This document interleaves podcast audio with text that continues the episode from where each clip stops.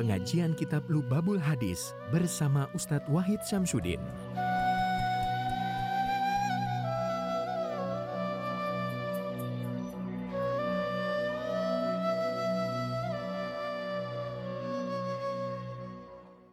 Bismillahirrahmanirrahim Baik kita mulai pengajian kitab Tangkihul Qaul atau kitab Lubabul Hadis. Kitab Lubabul Hadis itu matanya. Tangkihul Qaul itu syarahnya. Lubabul Hadis dikarang oleh Jalaluddin As-Suyuti yaitu pengarang salah satu pengarang tafsir yang fenomenal itu tafsir Jalalain. Sedangkan sarahnya Tangkihul Qaul dikarang oleh Syekh Nawawi Al-Bantani. Bismillahirrahmanirrahim. Al-Babul Awal fi Fadilatil Ilmi wal Ulama Bab yang pertama membahas tentang fadilahnya ilmu dan ulama. Nah. Qala Allah Ta'ala Syahidallahu la ilaha illa huwa wal malaikatu wa ulul ilmi qaimam bil qisti. Surat Al-Imran. Fangdur kaifa bada subhanahu wa ta'ala binafsihi Wasana bil malaikati wasanna bil malaikati wa sallasa bi ahli ilmi wa nahika bi hadha sarafan wa fadlan Allah telah berfirman di mana firmannya ini dengan artinya Allah bersak telah bersaksi tiada Tuhan selain Allah.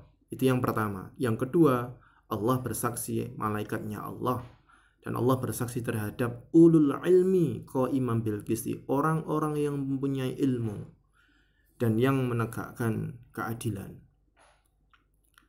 Nah, betapa mulianya seorang yang mempunyai ilmu hingga Allah menyandingkan derajatnya itu disebut dalam Al-Quran ketiga kali setelah Allah, malaikat, baru ulul ilmi Nah, ini merupakan tanda bahwa orang yang mempunyai ilmu itu dalam Al-Quran disebutkan sebagai orang-orang yang mempunyai derajat yang tinggi.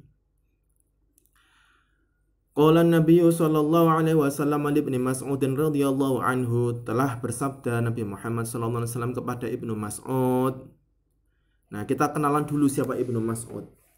Ibnu Mas'ud itu adalah sahabat Nabi yang sehari-harinya berkhidmah kepada Nabi. Beliaulah yang setiap hari menyiapkan sandalnya Nabi, setiap hari menutupi satirnya Nabi ketika mandi, setiap hari membawakan perlengkapan bersucinya Nabi ketika perjalanan. Secara fisik sahabat Ibnu Mas'ud ini sangat kecil bahkan diceritakan bahwa sahabat Ibnu Mas'ud ini mempunyai uh, kaki yang kecil hingga suatu saat sahabat Ibnu Mas'ud ini ada angin terpental saking kecilnya, saking kurusnya. Kemudian sahabat itu tertawa. Kemudian Rasulullah bertanya, "Lima tadhakun?" Kenapa engkau tertawa wahai sahabat? Kemudian sahabat menjelaskan bahwa mereka tertawa karena kurusnya Ibnu Mas'ud hingga angin saja menerpa dan mengguling-gulingkan tubuhnya beliau. Atas jawaban sahabat itu kemudian Rasulullah menjawab, "Walladzi nafsi biyadihi." Demi zat di mana aku diriku dalam kekuasaannya, maksudnya Allah. Lahuma, lahuma ini adalah kedua kakinya uh, sahabat Ibnu Mas'ud fil mizani asqalu min Uhudin. Nanti di akhirat waktu di mizan di timbangan itu lebih berat timbangannya daripada gunung Uhud. Sampai semacam itu. Kenapa kok Rasulullah memberi predikat Ibnu Mas'ud kakinya yang ditertawakan itu di mizan nanti lebih berat pada kepada, uh, lebih berat daripada timbangnya gunung Uhud saking banyaknya pahalanya wa kana huwa kathirun al-walud alaihi sallallahu alaihi wasallam. Karena kaki inilah yang digunakan berkhidmat Ibnu Mas'ud keluar masuk dalamnya Rasulullah untuk mengabdi. Yang digunakan untuk menutupi satirnya Rasulullah saat mandi. Yang digunakan untuk membangunkan Nabi ketika Nabi sare yang digunakan untuk memakaikan sandalnya Nabi ketika Nabi berdiri dan ketika Nabi duduk. Nah, kita hadis ini sangat cocok. Hadis yang akan membahas tentang ilmu disampaikan orang yang berkhidmah untuk ilmu. Jadi Ibnu Mas'ud itu memberikan contoh bahwa ilmu tidak hanya sekadar knowledge, tidak hanya sekadar wawasan, bahwa di dalamnya ada khidmah. Dan pas hadis ini disampaikan oleh Ibnu Mas'ud yang telah mempraktekannya. Apa hadisnya? Ya Ibnu Mas'ud, julusuka sa'atan fi majlis fi majlisil ilmi la tamassu qalaman wa la taktubu harfan khairun laka min idki alfi raqabatin. Wahai Ibnu Mas'ud, dudukmu satu saat satu saat itu bisa dimaknani satu jam. Di dalam majelis ilmu itu jauh lebih bagus daripada memerdekakan memerdekakan seribu budak. Bayangkan kalau satu budak itu harganya beberapa ekor unta, kita yang duduk satu majelis ilmu bisa mendapatkan beberapa ekor kali seribu. Bayangkan betapa dahsyatnya pahala kita duduk dalam satu majelis ilmu dengan guru, dengan orang alim. Tidak cukup di situ. Walaupun dalam duduk itu latamasu kelemahan tidak membawa pulpen.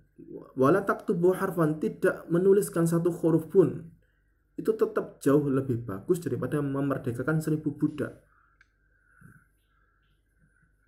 Kemudian wala turuka ila wajhil alim. Pandanganmu terhadap wajahnya orang alim ini disarai di dalam tahul qalb ay binadril mahabbah yaitu dengan pandangan cinta, dengan pandangan cinta terhadap orang alim tersebut. Khairun laka min alfi farasin tasodak tabiha fi sabilillah. Itu lebih baik daripada seribu kuda yang engkau sedekahkan untuk berperang di jalan Allah. Wassalamuka alal alim dan bersalammu kepada orang alim khairun laka min ibadati alfi sanatin. Itu jauh lebih baik daripada ibadah seribu tahun. Subhanallah. Dengan kita hanya bersalam assalamualaikum kepada orang yang alim dan dibalas waalaikumsalam itu jauh lebih bagus daripada seribu tahun. Wahai saudara-saudara sekalian, betapa agungnya orang yang berilmu dalam panjariannya aja Rasulullah telah memberi predikat dan pahala yang Allah telah menjelaskan bagaimana pahalanya yang agung.